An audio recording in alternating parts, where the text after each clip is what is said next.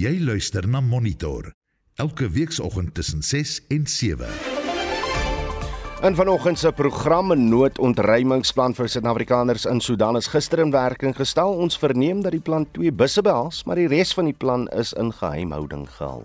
Right now as I'm speaking to you, two buses have been arranged and the first two buses we found additional buses but it's becoming a nightmare to pay because nobody wants bank transfers. Everybody wants cash currency. Die burgemeester van Johannesburg, Tapelo Ahmad, bedank uit sy pos. This has nothing to do with the public opinion on my ability to to lead. En president Ramaphosa praat oor 'n ANC voorstel om koalisies te reguleer. Welkom by Monitor span vanoggend is Hendrik Martin, Daitron Godfrey en ek is Udo Karlse. Die vroue boksspan durf die tweede wêreld sewes uitdager toernooi in Stellenbosch sonder die senter Marlies te brein aan. En Markram en sy Hyderabad span val weer vas in die IPL reeks en Tottenham Hotspur steek 'n tweede afrigter vir die seisoen in die pad. Ek is Shaun Schuster vir RSG Sport.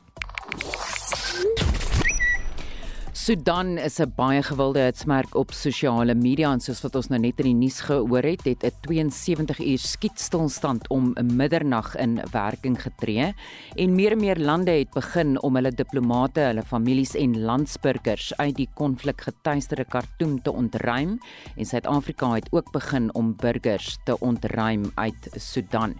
Die Verenigde Nasies se sekretaris-generaal Antonio Guterres het gesê hoewel hy die tydelike verskywing van sommige VN personeel goedgekeur het, sal die VN in Sudan aanbly en die VN sal sy werk in Sudan voortsit. 'n Suid-Afrikaanse hospitale sukkel soms om aan hul mandate uh, gesondheidsorg te voldoen. In die Oos-Kaap het ons byvoorbeeld gesien hoe beerdkragdienste belemmer of daar is 'n tekort aan noodsaaklike medisyne uh, omdat die verskaffers nie betaal is nie.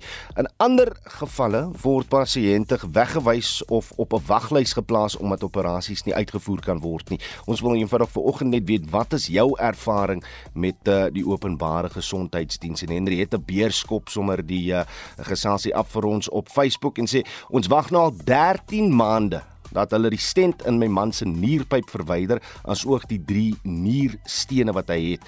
Dit is by Helen Joseph Hospitaal in Johannesburg. Wat is jou ervaring? Stuur 'n SMS na 45889 teen R1.50 per boodskap. Jy kan ook saampraat op Monitor en Spectrum se Facebookblad. Jy luister na Monitor elke weekoggend tussen 6 en 7.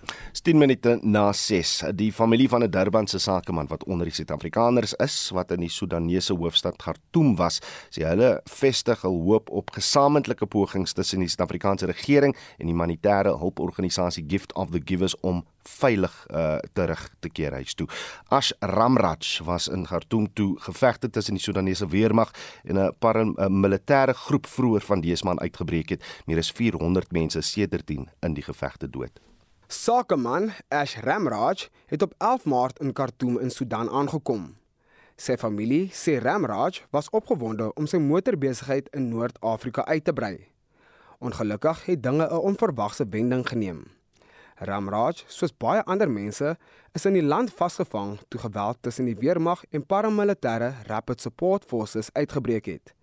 Sy familie sê voordat die internetdiens in Sudan gestaak is, het Ramraj gesê dat sy voorrade besig is om op te raak. Sy dogter is Akira Ramraj. When we were able to contact him, it was an incredibly scary thought because all you could hear was gunshots and bombs going off in the background. Since then, we have been in contact with the government and Gift of the Givers, and they have informed us that all South Africans will be meeting at a safe compound where they will then be taken by bus to Aswan. And once they arrive in Aswan, there will be planes waiting for them to bring them back home to safety to South Africa. It is an incredibly scary journey that they're about to embark on, and all we can do right now is wait as there's no connectivity in order for him to reach out to us and let us know as to what is happening. Die humanitêre hulporganisasie Gift of the Givers sê dat die sending waarskynlik met 'n aantal uitdagings te doen sal hê, aangesien die groep mense deur die oorlog getuisterde Sudan na die veiligste grenshek moet reis. Stigter Dr Imtiaz Suliman. The distances to travel to get out from Khartoum to Port Sudan is 850 kilometers. To Egypt, another 900 kilometers. You can't keep in touch with the rest of your team. These are the challenges that the South Africans are facing. Fortunately, as we speak, the first group are leaving on bus right now and moving towards Egypt.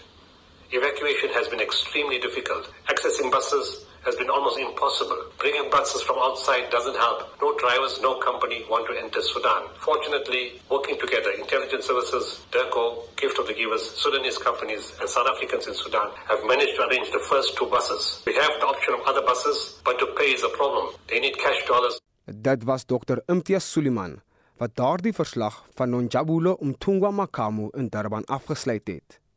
Vincent Mufokeng SAIGanis. 'n Skietstilstand is uh, vir die volgende 7 72 uur intussen verklaar in Sudan. Die 77 vasgekeerde Suid-Afrikaners in Sudan is gistermiddag vir 'n derde land na veiligheid gebring of via 'n derde land na veiligheid gebring. Half 2 gistermiddag het uh, die departement van internasionale samewerkingswoordvoerder Kleisen Monyela met ons Anita Visser gepraat. The latest is that, as we said before, the South African government was exploring all available options to be able to evacuate South African nationals, including our embassy staff in Sudan. As we speak now, we are currently evacuating all the South African nationals that were still stuck and stranded in Sudan to one of the neighboring countries. I'm not able to detail the security plan and logistics, but we can confirm that we are moving them out as we speak. Is a matter of hours from now. Moniela wou nie verder kommentaar lewer nie weens die plofbare situasie. Al 77 Suid-Afrikaners was teen 0.30 gistermiddag reeds op pad uit Sudan. Gift of the Givers, Imtiaz Suliman, het vroeër ook aangebied om finansiëel te help, vertel Kleisen Moniela. We've had to make the arrangement alone as the South African government. We tried reaching out to the UN and other countries Obviously, in this case, because they're going to one of the neighboring countries, we are working with that particular country to provide, you know, access and all of that. But the UN is not part of this mission or operation. Imtiaz Suleiman's Gift of the Givers reached out with an offer to pay for certain aspects of this operation, but we had already paid for those and covered that as government, so we didn't accept that offer. In 'n onderhoud vroeër gisteroggend het Kleisen Monjela aan my gesê dat SADC-lande die Suid-Afrikaanse regering gevra het om hulle inwoners ook te probeer red. Gevra of van die SADC-burgers gistermiddag saam met die Suid-Afrikaners uit Sudan uit is, was Monjela se antwoord: No, so in this group that we are currently prioritizing, it's mostly South Africans. There is one or two nationals of one of the SADC countries, but our understanding with the latest reports is that those countries have also been making their own arrangements to evacuate their own nationals. Intussen bly die departement in kontak met die families van die betrokkenes. We're providing updates, yes, to everyone who is interested in this operation. En dit dan Kleisen Monela van die Departement van Internasionale Samewerking en Anita Visser het gistermiddag met hom gepraat. Kom ons kry nou die jongste ons praat met Imtiaz Suliman van Gift of the Givers. Imtiaz, goeiemôre. Good morning. 'n uh, 'n Skietstilstand is verklaar dit help seker die situasie, maar wat is die nuutste inligting oor die ontruiming van Suid-Afrikaners uit Sudan? Uh, no, the, the ceasefire is not really holding. You know, there's areas of fighting all over in the country. South Africans have been witnesses to that. They've been fearful. They've been anxious. They've seen the tanks shoot at each other. As I'm speaking to you now, you know, a few hours ago, they were still shooting all over in various parts of the country. We've been working very closely with DERCO, with intelligence services, the state security, and with South Africans on the ground who are trapped in Sudan. And yet, for the givers managed to arrange two buses for, for the, the first group of people to leave. And DERCO and the government paid for those two buses we arranged it. Nobody could find buses. We found them, and you know they paid for it. And in those buses, there's 38 South Africans and seven Angolans. The bus bus reached. Uh, it's not far from the Egyptian border right now. It left around 12:10 yesterday. It had two checkpoints or truck checkpoints on the way outside Khartoum. The rest of the journey was uneventful. They stopped where they saw the first food and water where they could buy something. Then at midnight they took a rest and at 5 o'clock this morning they left for the border. Up till that point, there's been no problem. The next challenge is people who don't have passports and don't have visas. But DERCO is supposed to be speaking to the Egyptian government and see what we can do about that. Also, there's six South Africans in Port Sudan. And, you know, DERCO has to speak to the Saudis to see how we can get them across if they've got no papers. Three are in Djibouti. A few went to South Sudan. Four, unfortunately, yesterday, you know, and after midnight on Sunday, the, network collapsed completely. Hmm. By the time people got the message, four South Africans got left behind. You know, and the buses left without four South Africans. They're now stuck in Khartoum. So Gift of the Givers has arranged a bus at our cost to take them across today. A lady had to leave her two dogs behind. We're going to take those two dogs. And then the Brazilian ambassador called us. Filipinos have called us. Some other groups have called us. And we're going to put them all on the bus today. So MTS die vier waarvan jy nou praat, sal dit nou die laaste oorblywende Suid-Afrikaners wees in Sudan? Nee. Daar's twee ander Suid-Afrikaners wat nie huis toe wil kom nie. There's two South Africans who they will stay there. I don't know for what reason, but they said they will stay there. And of course, oh, there's one more. There's one more who said he's working at a mine somewhere, some mine, I don't know where, in Egypt, and he asked us to come home. Mm. So we said, yes, if you can come home, come home. So we can trace around 50, about 60. The other 13, I don't know where they are. You know, so I, I, don't know if anybody else is trapped inside there or in some outside, outside area or no network. But from all that we know, you know most of them are, are coming out. En, en ek neem aan die plan is om hulle om hulle terug te bring na Suid-Afrika toe. Uh, na Suid-Afrika toe, nie in uh, om in Egipte te aan te bly nie. No, yeah. The, the arrangement is that once they get to Egypt, well, first a plane was sent to Kenya. Mm.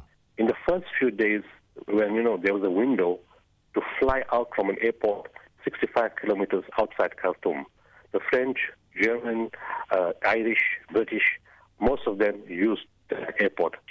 By the time we could, we decided to use that airport, the, the, the forces were fighting each other outside the airport, so you could, it was too dangerous. Mm. So, uh, so the, the plane is going to go from Kenya and stop and pick up from that airport. That couldn't work now.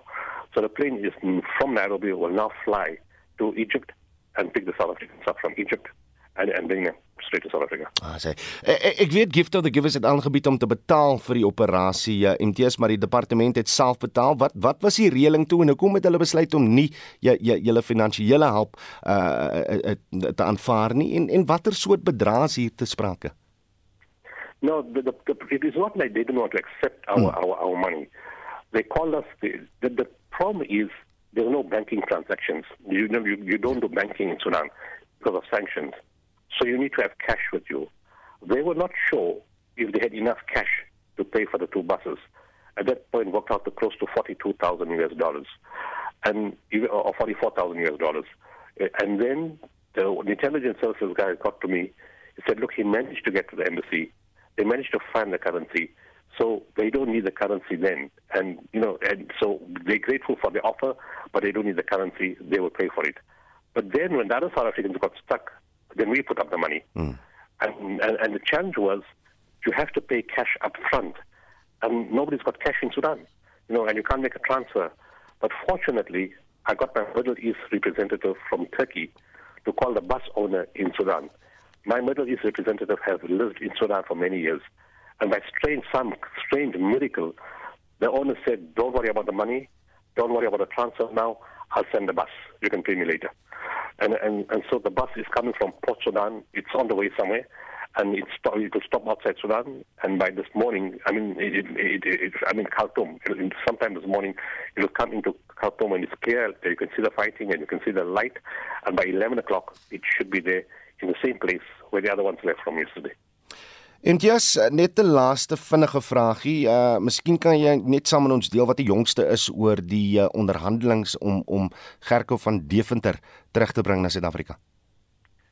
My negotiator last night uh, had met so I haven't got feedback from him, but somebody called him on Friday and he said I was with Gerko and he said he's a doctor. Hmm. And then he said I'll see you on Sunday because it was the two days after the Eid in in Mali. Hmm. And then he called Sunday morning. He said, I can't see you today because I'm coming from a place called Mopti, which is far away. I will see you on Monday. As I was speaking to my negotiator yesterday, he got a message that the guy had landed in the airport in Mali and was going to see him sometime later last night. I will get that feedback today.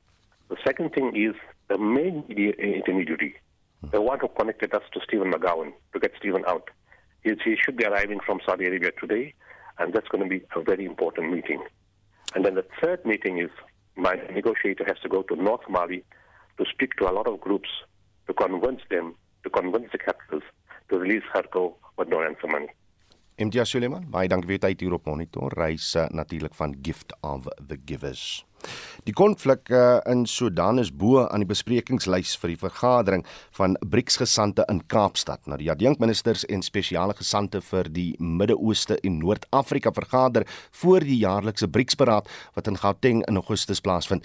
Daar word verwag dat die Russiese president Vladimir Putin persoonlik die beraad sal bywoon ten spyte van 'n lasbrief vir sy arrestasie in verband met die oorlog in Oekraïne. Celine Merrington doen verslag.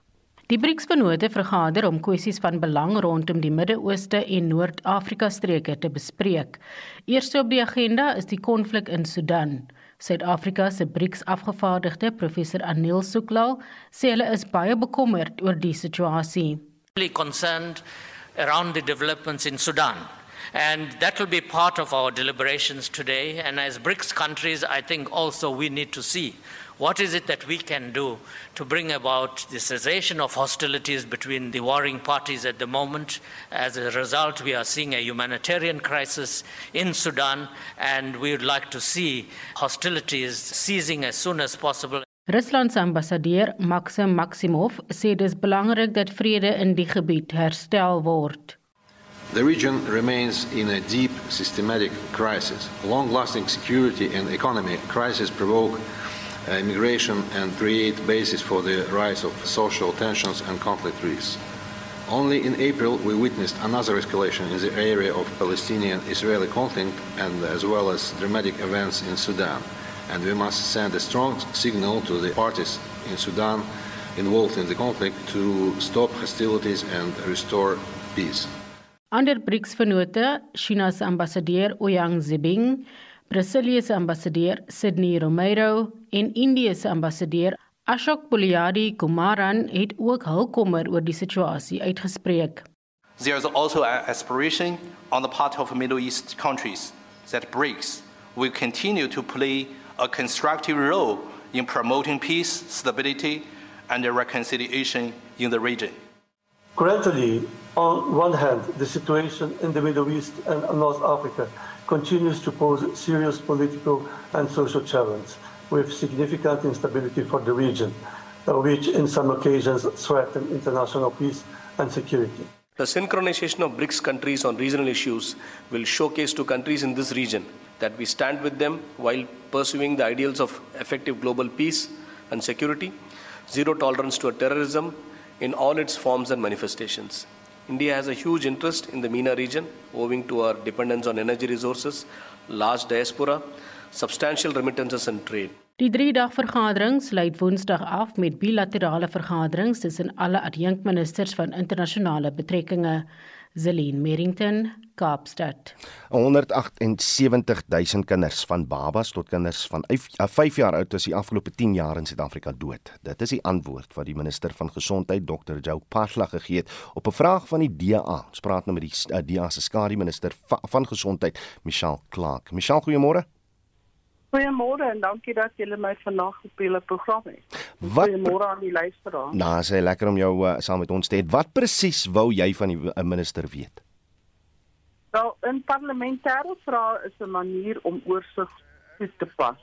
Uit ons oorsig oorsig besoeke en verskeie hospitale wat ons uh, openbare gesondheidsfasiliteite in 'n haaglike toestand bevind is. Hmm. Met hierdie vraag het ons probeer om die pro pro problematiese neigings te bepaal waarvan ons bewus moet wees sodat daar ingryp geword kan word.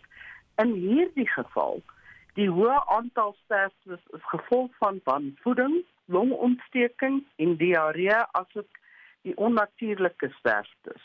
Ons sal op opvolgvra indien om vas te stel of hierdie tipe sterftes oor die jare toegeneem het en wat die departement doen om dit aan te spreek. Hmm. Hoe hoe sal die voorgestelde nasionale gesondheidsplan miskien die probleme on, ondervang? Ehm um, ek jy weet in in in my 'n ondervinding wat ons wat ons jy, jy weet gedoen het oor die oor die laaste jaar gaan die gesondheidsopenbaring beplan glad nie enige toestand verbeter nie want die, want die wanbestuur en korrupsie met met hospitale is baie sleg op die oomblik en en aan hospitale moet aan die ideale klinieke ehm um, uh uh versorg maak. Die nasionale gesondheidsplan is nie die oplossing vir Suid-Afrika se verskeie ernstige gesondheidsorgkwessies aan te spreek nie en te en sy hierdie kwessies aangespreek word, sal die nasionale gesondheidsplan die probleme regtig vererger. Dis uh, Michelle Clark, die DEA skadu minister van gesondheid. Beweringe van staatskaping het die presidentsie beweeg om ten minste een van die ontvangers van die nasionale toekenninge terug te trek. Duman Dlovu, Freek Robinson en Mike Hon is van die 35 genomineerdes wat hulle toekenninge kwyt is. President Ramaphosa het die onttrekking van die 3 genomineerdes aanvaar. Vir meer oor hierdie kwessies praat ons nou met professor Erwin Swela aan die Huguenot College se skool vir sosiale innovasie. Erwin, goeiemôre. Môre Udo. Vir ons bietjie gesels, kom ons luister gou net wa, na wat Vincent Magwenya, die presidentsiële woordvoerder oor die kwessie gesê het. To uphold the integrity of the national orders, the National Orders Advisory Council will further adopt measures to strengthen the selection process. These measures include a workshop which will be undertaken by council members at the end of April this year. Timelines of the selection process will also be reviewed. So dit is nou die stappe Erwin wat in die toekoms geneem sal word, maar hoekom was dit nie in die verlede nie? En en en uh, gedoen nie en, en is dit die eerste keer dat jy kan kan onthou dat dat, dat nasionale ordes teruggetrek is? Ek dink ons moet begin deur te sê dat om hoegenaamd van integriteit te praat in hierdie proses is totaal ondenkbaar. En hierdie proses wat ehm um, die eerste is waarvan ek ooit kennis geneem het, en ek kon ook nie op uh op verskillende maniere vasstel dat daar al so 'n gebeurtenis was nie was daar byna geen integriteit nie. Ehm um, en in in hierdie proses is die veronderstelling dat ons hier met mense werk wat die hoogste eer moet kry op grond van 'n vorm van erkenning en waardering van 'n bydrae wat hulle gemaak het, betekenis bydra betekenisvolle bydraes tot Suid-Afrika en ons mense en hierdie proses getuig van absolute onbeholpenheid en onbekwaamheid en dit is 'n verleentheid vir almal betrokke en vir die proses en ek dink dit doen groot afbreek aan hierdie orders wat ons toeken om eintlik mense te vereer. Maar Erwin, dis 'n nasionale ordes, dis 'n openbare proses, 'n behoorte openbare proses te weet. Weet ons hoekom die toekennings vir Freek Robinson en Mike Hond teruggetrek is?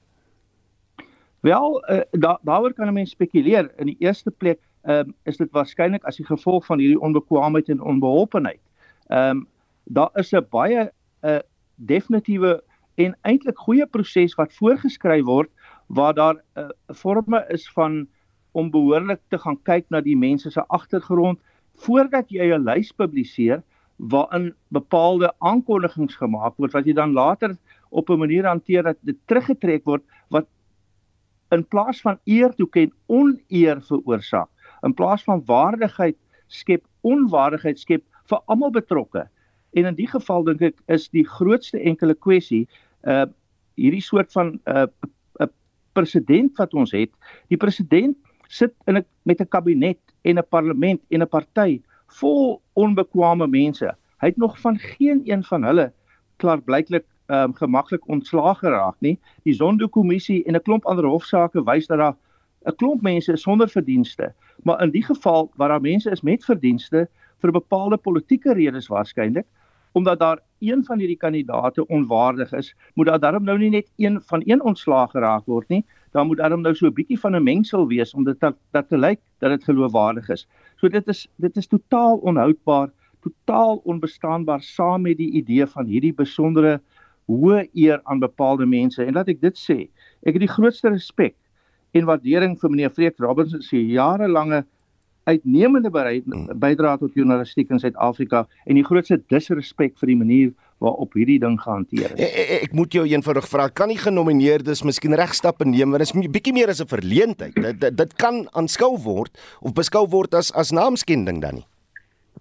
Ek het 'n uh, idee dat hier 'n prima facie saak is dat 'n mens 'n regsoptrede kan volg. in elk geval meneer Robinson en die ander ehm um, mense wie se name verwyder is van die lys op hierdie oneervolle manier ehm um, het waarskynlik om jy te begin die reg om te weet hoekom dit gebeur het. Wat is die redes? En daarvoor kan hulle ten minste twee stukke wetgewing wat uit ons grondwet afgelei word gebruik, naamlik die wet op die bevordering uh van toegang tot inligting. So mense kan 'n sogenaamde paai aansoek dien op hierdie betrokke liggame en die president self um, om te weet hoekom het hulle jou so oneerbaar en oneervol behandel terwyl jy eintlik eer verdien. En die tweede die tweede stuk wetgewing is die wet op die bevordering van administratiewe geregtigheid. Alle diskresionêre besluite in terme van hierdie wet vereis toepaslike toewyding en aandag. En as dit behoorlik gedoen was, as 'n diskresie uitgeoefen word, sou dit behoorlik gedoen gewees het, maar hier is 'n diskresie uitgeoefen op maniere wat totaal ondeurdag is en dan laastens kan 'n mens gaan kyk na die na die siviele reg om uiteindelik 'n lastersaak um, te maak. Die probleem is egter dat as jy by hierdie dinge verder betrokke raak, word jy eintlik nog meer ge, as dit ware uh, uh, uh, uh, in die modder van hierdie proses ingetrek. En ek dink ek sal dit so ver van om te stel. Ek dink enige iemand anders wat hierdie wat in hierdie ronde in elk geval hierdie toekenning kry, hmm. moet dit ernstig te oorweeg om hulle te onttrek van hierdie proses, want hierdie is nie 'n eerbare en 'n eervolle proses. En dit was professor Erwin Schwella verbonde aan die Huguenot College is 'n skool vir sosiale innovasie. Jy luister na Monitor elke weekoggend tussen 6 en 7. 634 en in die hoofnuus gebeure die bur burgemeester van Johannesburg Tapelo Amat sê hy het nie bedank oor die openbare mening dat hy onbevoeg is nie. En 'n 72 uur skietstaking het om middernag in Sudan in werking getree. Bly ingeskakel Jy het nou net gehoor eh, van Dia se skare minister van gesondheid oor eh, die stand van sake in ons openbare hospitale en vanoggend wil ons weet wat is jou ervaring met uh, die openbare gesondheidsdiens? Op Facebook sê Mervin Keown uh, swak pateties en regering maak hul skuldig aan vervolging. En die hoofrede uh, Kibaan se dokters is in beheer by Pekolong Hospitaal in Bethlehem. Kibaan waar ons uh, waar is ons eie sê Mervin. Uh Robert Joseph uh, sê gaan nie veel beter in die Wes-Kaapse provinsiale hospitale nie. Ewige lang lyste om geopereer te word is aan die orde van die dag. Wil nie eers praat oor die ambulansdienste in die Weskus nie. Hier by ons word sommer 5 pasiënte in een ambulans gelaai om na 'n hospitaal uh, geneem te word wat skaars 16 km ver is. Wil nie eers praat van hulle ongevalle afdeling nie.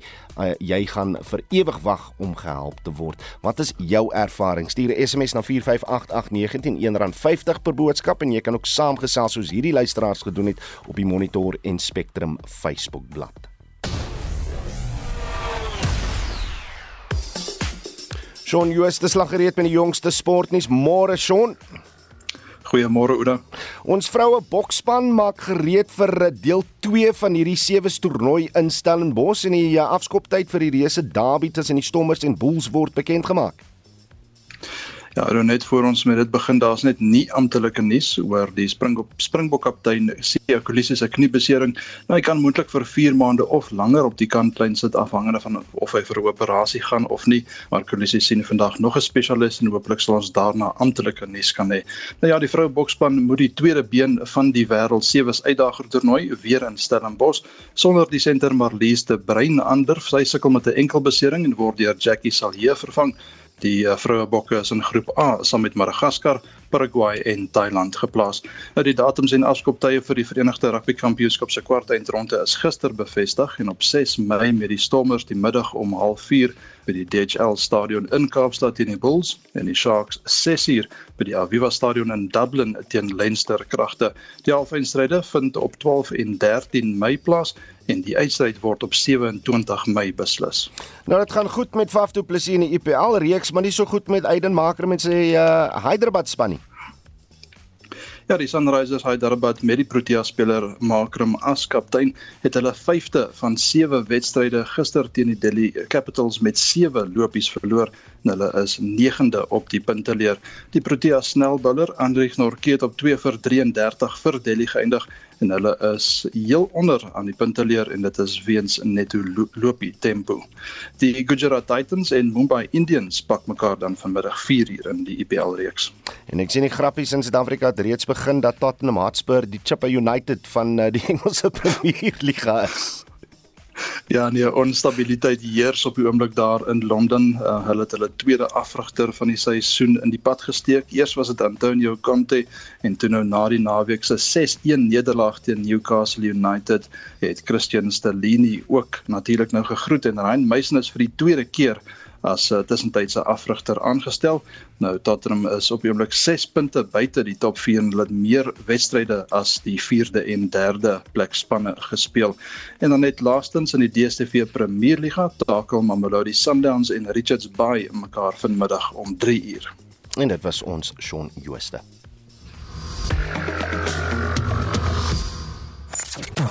Jy luister na Monitor. Elke weekoggend tussen 6 en 7. Soos jy in die nuus gehoor het, het die burgemeester van Johannesburg, Tapelo Amat, van die Aljamaa party gister bedank. Ons praat nou met die politieke kommentator uh, professor Pieter Dievenage. Pieter, goeiemôre. Goeiemôre, Oudo. Jou reaksie op sy bedanking, uh, dit was nie heeltemal onverwags nie. Nee, dis nie onverwags nie. Kyk, ek dink die gebeure uh die aanleiding hiertoe is die feit dat uh, die patriotiese alliansie van meneer Guyton McKenzie het besluit om te onttrek uh, uit hierdie papierdun koalisie van die ANC en EFF. En hierdie koalisie het mos so 2 maande terug vir meneer uh Tabelo Amat ehm um, as die ek noem dit die jy weet 'n poppe 'n kasteater en hy was die marionet uh ehm um, jy weet die marionet burgemeester uh met hierdie papierdin koalisie maar nou die PA uitbeweeg en hy het nou bedank ek dink om uh, skadebeheer en eintlik agter alles sit die ANC EFF koalisie wat nou klaar blyklik nie 'n meerderheid kan kry as daar so 'n mosie ingestel word vandag nie. Dis nou maar die hele dis die hele scenario as ek dit so kan skets, jy weet Oudo, dit is eintlik 'n uh, baie hartseer want die stad Johannesburg, die metro uh moet goed bestuur word en die en die burgers van die stad verlang regtig goeie goeie ehm um, jy weet bestuur en dienslewering en nou sit ons met hierdie fiasco. Wat wat beteken dit vir die ANC EFF koalisie in die metro? Wel, hulle kan vandag uh um, kan hulle tot 'n einde kom. Um kyk, daar's 270 lede in die Johannesburgse metro en dit beteken dan jy moet 'n meerderheid hê van 135 plus 1, 136. En jy kan daai koalisie, ag jy kan daai posisie net bereik as die PA saam met jou gaan. Uh, dis nou die ANC en die EFF. En ons weet die, die beste van tye gaan dit ook nie goed tussen die ANC en die EFF nie. Uh dit is eintlik maar 'n koalisie wat agter die skerms met deur iemand soos meneer Panayasi Lesufi wat die uh premier is van die ANC in Gauteng. Hy het eintlik hierdie koalisie saam met 'n paar bondgenote uh daar gestel. Ook meneer Paul Masotile, die visiepresident van die land, is ook baie ten gunste van dit. Maar dit kan in Johannesburg net slaag as die PA ook sy steen gee. En nou het die PA sy steen onttrek, maar nou Oudo is die probleem na die ander kant toe.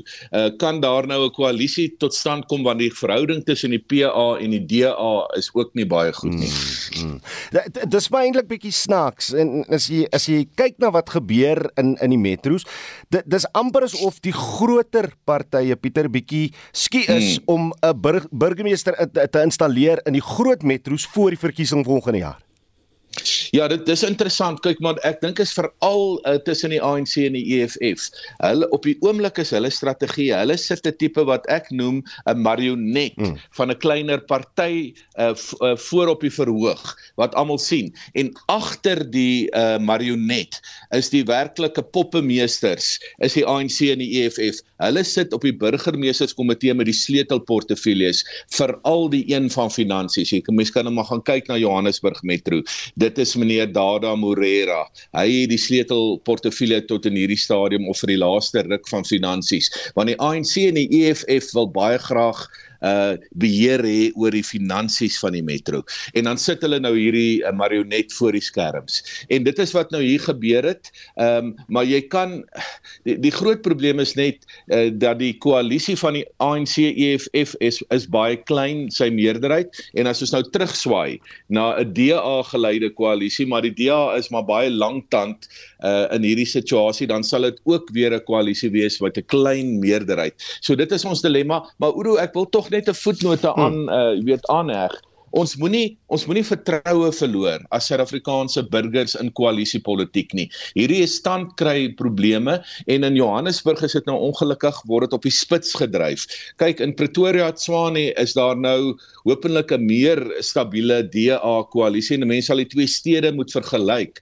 Maar ek hoop maar vandag uh, wanneer die mosie van wantroue ehm um, in in uh, die burgemeester in die in die huidige koalisie gestel word dat daar 'n alternatiewe koalisie tot stand kan kom en laat die PA die patriotiese alliansie en die demokratiese alliansie wat die meerderheid party is uh, op een of ander manier 'n kompromis kan bereik. Dit is die politieke kommentator professor Pieter Dievenage. Kom ons kry nou uh, 'n blik oor die jongste wêreld nuusgebeure wat ook die ontruimingsplan van burgers uit Sudan insluit, maar die skeepers is met ons. Haai Oudo, die ontruiming van buitelanders in Sudan gaan voort nadat daar ooreengekom is op 'n 72 uur skietstilstand. Brittanje se voormalige gesamentlike operasionele bevelvoerder, Ash Alexander Cooper, sê talle lande gaan die skietstilstand gebruik om soveel as moontlik van hulle burgers te ontruim. There have been three ceasefires in the last week or so that, that have failed almost immediately. So, you know, we have to be realistic, but it is a huge opportunity if it can hold. And 72 hours is an incredibly generous window for us uh, and other nations to do what they can to try and move people as quickly as possible out into safer areas and then hopefully onwards to their home countries. Intussen berig die SAIK se verslaggewer, Shawn Bryce Peace, dat die Amerikaanse minister van buitelandse sake, Anthony Blinken, hoop dat die skietstilstand die geweld tot 'n einde sal bring sodat onderhandelinge kan plaasvind. Blinken announced the deal between the Sudanese armed forces and the Rapid Support Forces, a period in which he urged both sides to immediately and fully uphold the ceasefire. Two previous attempts at a humanitarian pause have come to naught as continued fighting saw tens of thousands of Sudanese fleeing the country while countries began evacuating diplomatic staff and their families. To support a durable end to the fighting, the United States said it would coordinate with regional, international, and civil society partners to assist in the creation of a committee to oversee the negotiation, conclusion, and implementation of a permanent cessation of hostilities and humanitarian arrangements in Sudan. En dan hoe daar aan die ander kant van die wêreld in New York het die Verenigde Nasies se sekretaris-generaal Antonio Guterres 'n brief aan die Russiese president Vladimir Putin geskryf in 'n poging om die Swartsee graanooreenkoms te verleng. Guterres het die brief tydens 'n vergadering aan Rusland se minister van buitelandse sake, Sergey Lavrov, oorhandig. Die BBC se Ellie McConnell berig. The Black Sea Initiative was brokered last year by Turkey and the United Nations to secure the export of Ukrainian grain. It's been renewed on a rolling basis and is due to expire again in mid May. Russia has threatened to walk away from the agreement, saying that systemic demands about its exports have not been met. Speaking after the meeting with Mr. Guterres, the Russian foreign minister said progress was not very noticeable. Russia's defense ministry has meanwhile accused Ukraine of using waters designated for the initiative near the city of Odessa for military purposes. En dit was ons Marlie Skeepers met 'n blik oorsig oor wêreldnuus gebeure. Monitor jou oggendnuusprogram op RSG. Die seksoortreder Gerard Ackermann is skuldig bevind op 728 van die 740 aanklagtes teen hom. Dit hou verband met mensenhandel en seksmisdade met kinders. Die mede-professor in strategiese kommunikasie by die Universiteit Johannesburg, Corneil Duwys, is ook betrokke by nie-regeringsorganisasies om kindermolestering teen te werk. Ek is 'n trustee van Matla Abana en ek is ook 'n uh, raadgewer vir Tears Foundation. Van waar jou belangstelling hierin? In 2013 het my derdejaars studente 'n projek gedoen vir Matla Abana. En dis 'n nie-regering organisasie wat werk met kinderverkrachting en sekondêre misbruik. En toe hulle daai studie gedoen het om hierdie organisasie se strategie te ontwikkel, toe kom dit na vore toe hulle die aanbieding doen toe begin hierdie studente wat toe al 21 jaar oud was, een vir een na vore kom en sê maar ek was verkragt toe ek 5 was. Ek was verkragt toe ek 7 was. En dit was vir my so 'n skokkende feit dat ek onmiddellik 'n aktivis geword het. En van 2013 af, dit waarop ek fokus en my huidige navorsing fokus ook daarop. Die seksoortreder Gerard Ackerman gister is hy skuldig bevind op 728 van die 740 klagtes teen hom.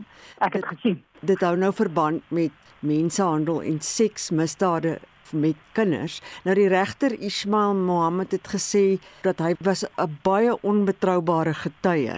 Wat is jou reaksie op die vonnis wat hy ontvang het? Oortreders soos hy kan nie genoeg gestraf word nie.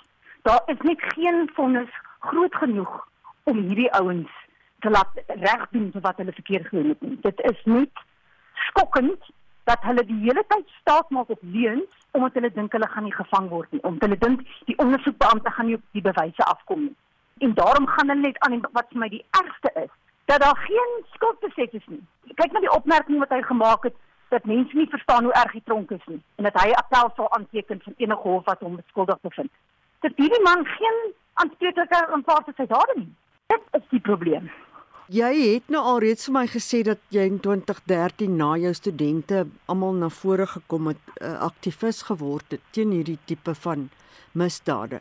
Maar wat is jou ondervinding sedert toe? Vind jy dat uh, seksoortreders baie keer self gemolesteer is?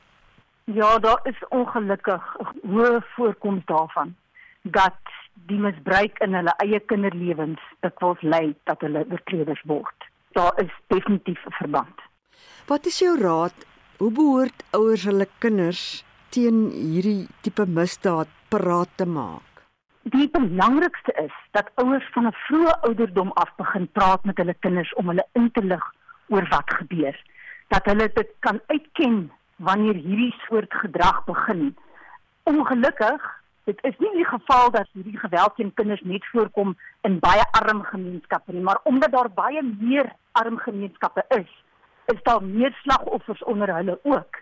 En dit is baie keer wat hierdie pedofiele ook uitbuit. Hulle kry die kinders finansiëel afhanklik. Hulle lok hulle en hulle, hulle kry hulle in die stelsel in. En soms dikwels is dwelms ook betrokke.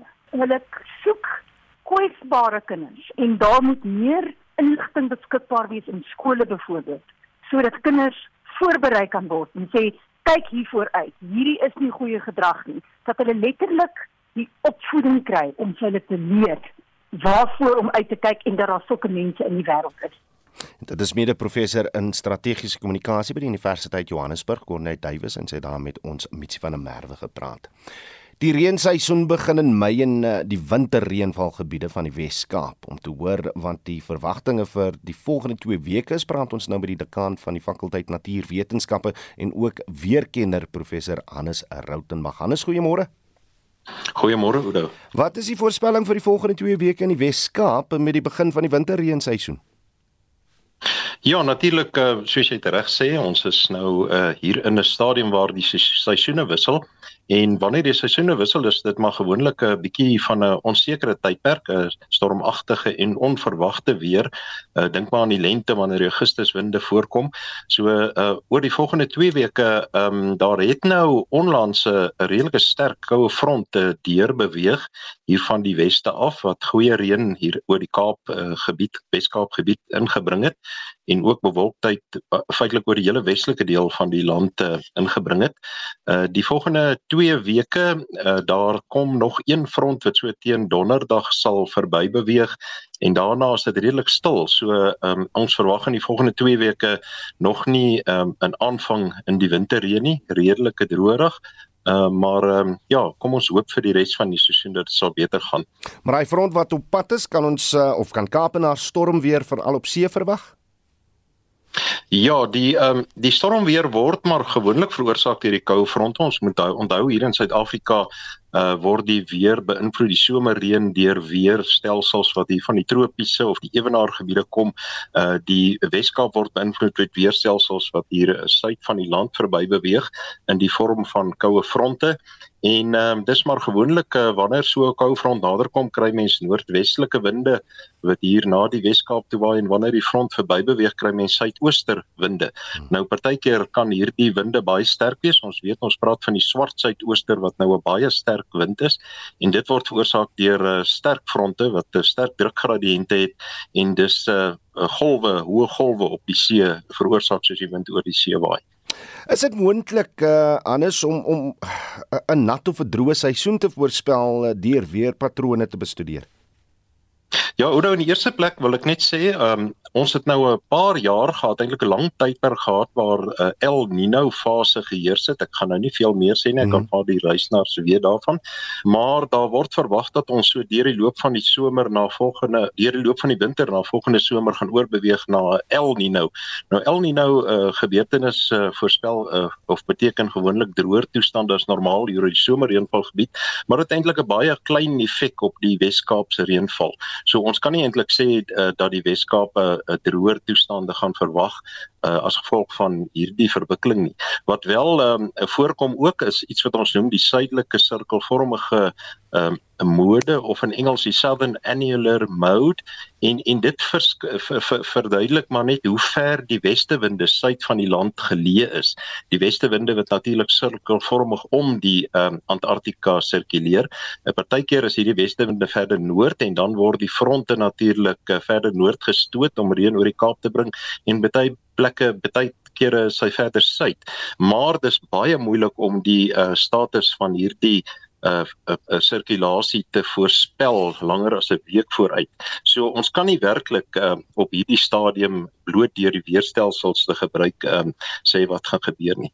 En dit kan miskien ja ja ja ja. ja Ja, nee, ek kan miskien net noem die weerdiens se seisonale voorspellings wys dat die Wes-Kaap um, oor die volgende uh, maande oor die winter uh, onder normale reën gaan uh, mag verwag en dit is nie goeie nuus nie, uh, maar kom ons kyk wat gebeur. Nee, dan het jy nou my vraag beantwoord. Baie dankie vir jou tyd uh, hier op monitor. Dit was 'n weerkundige van Akademie Hannes Rautenbach. Met meer as 47000 tweets internasionaal en in Suid-Afrika gons dit oor Meghan Markle en Prins Harry, maar die keer net omdat hulle wedstryd van die basketbalspan die Lakers in Los Angeles bygewoon het.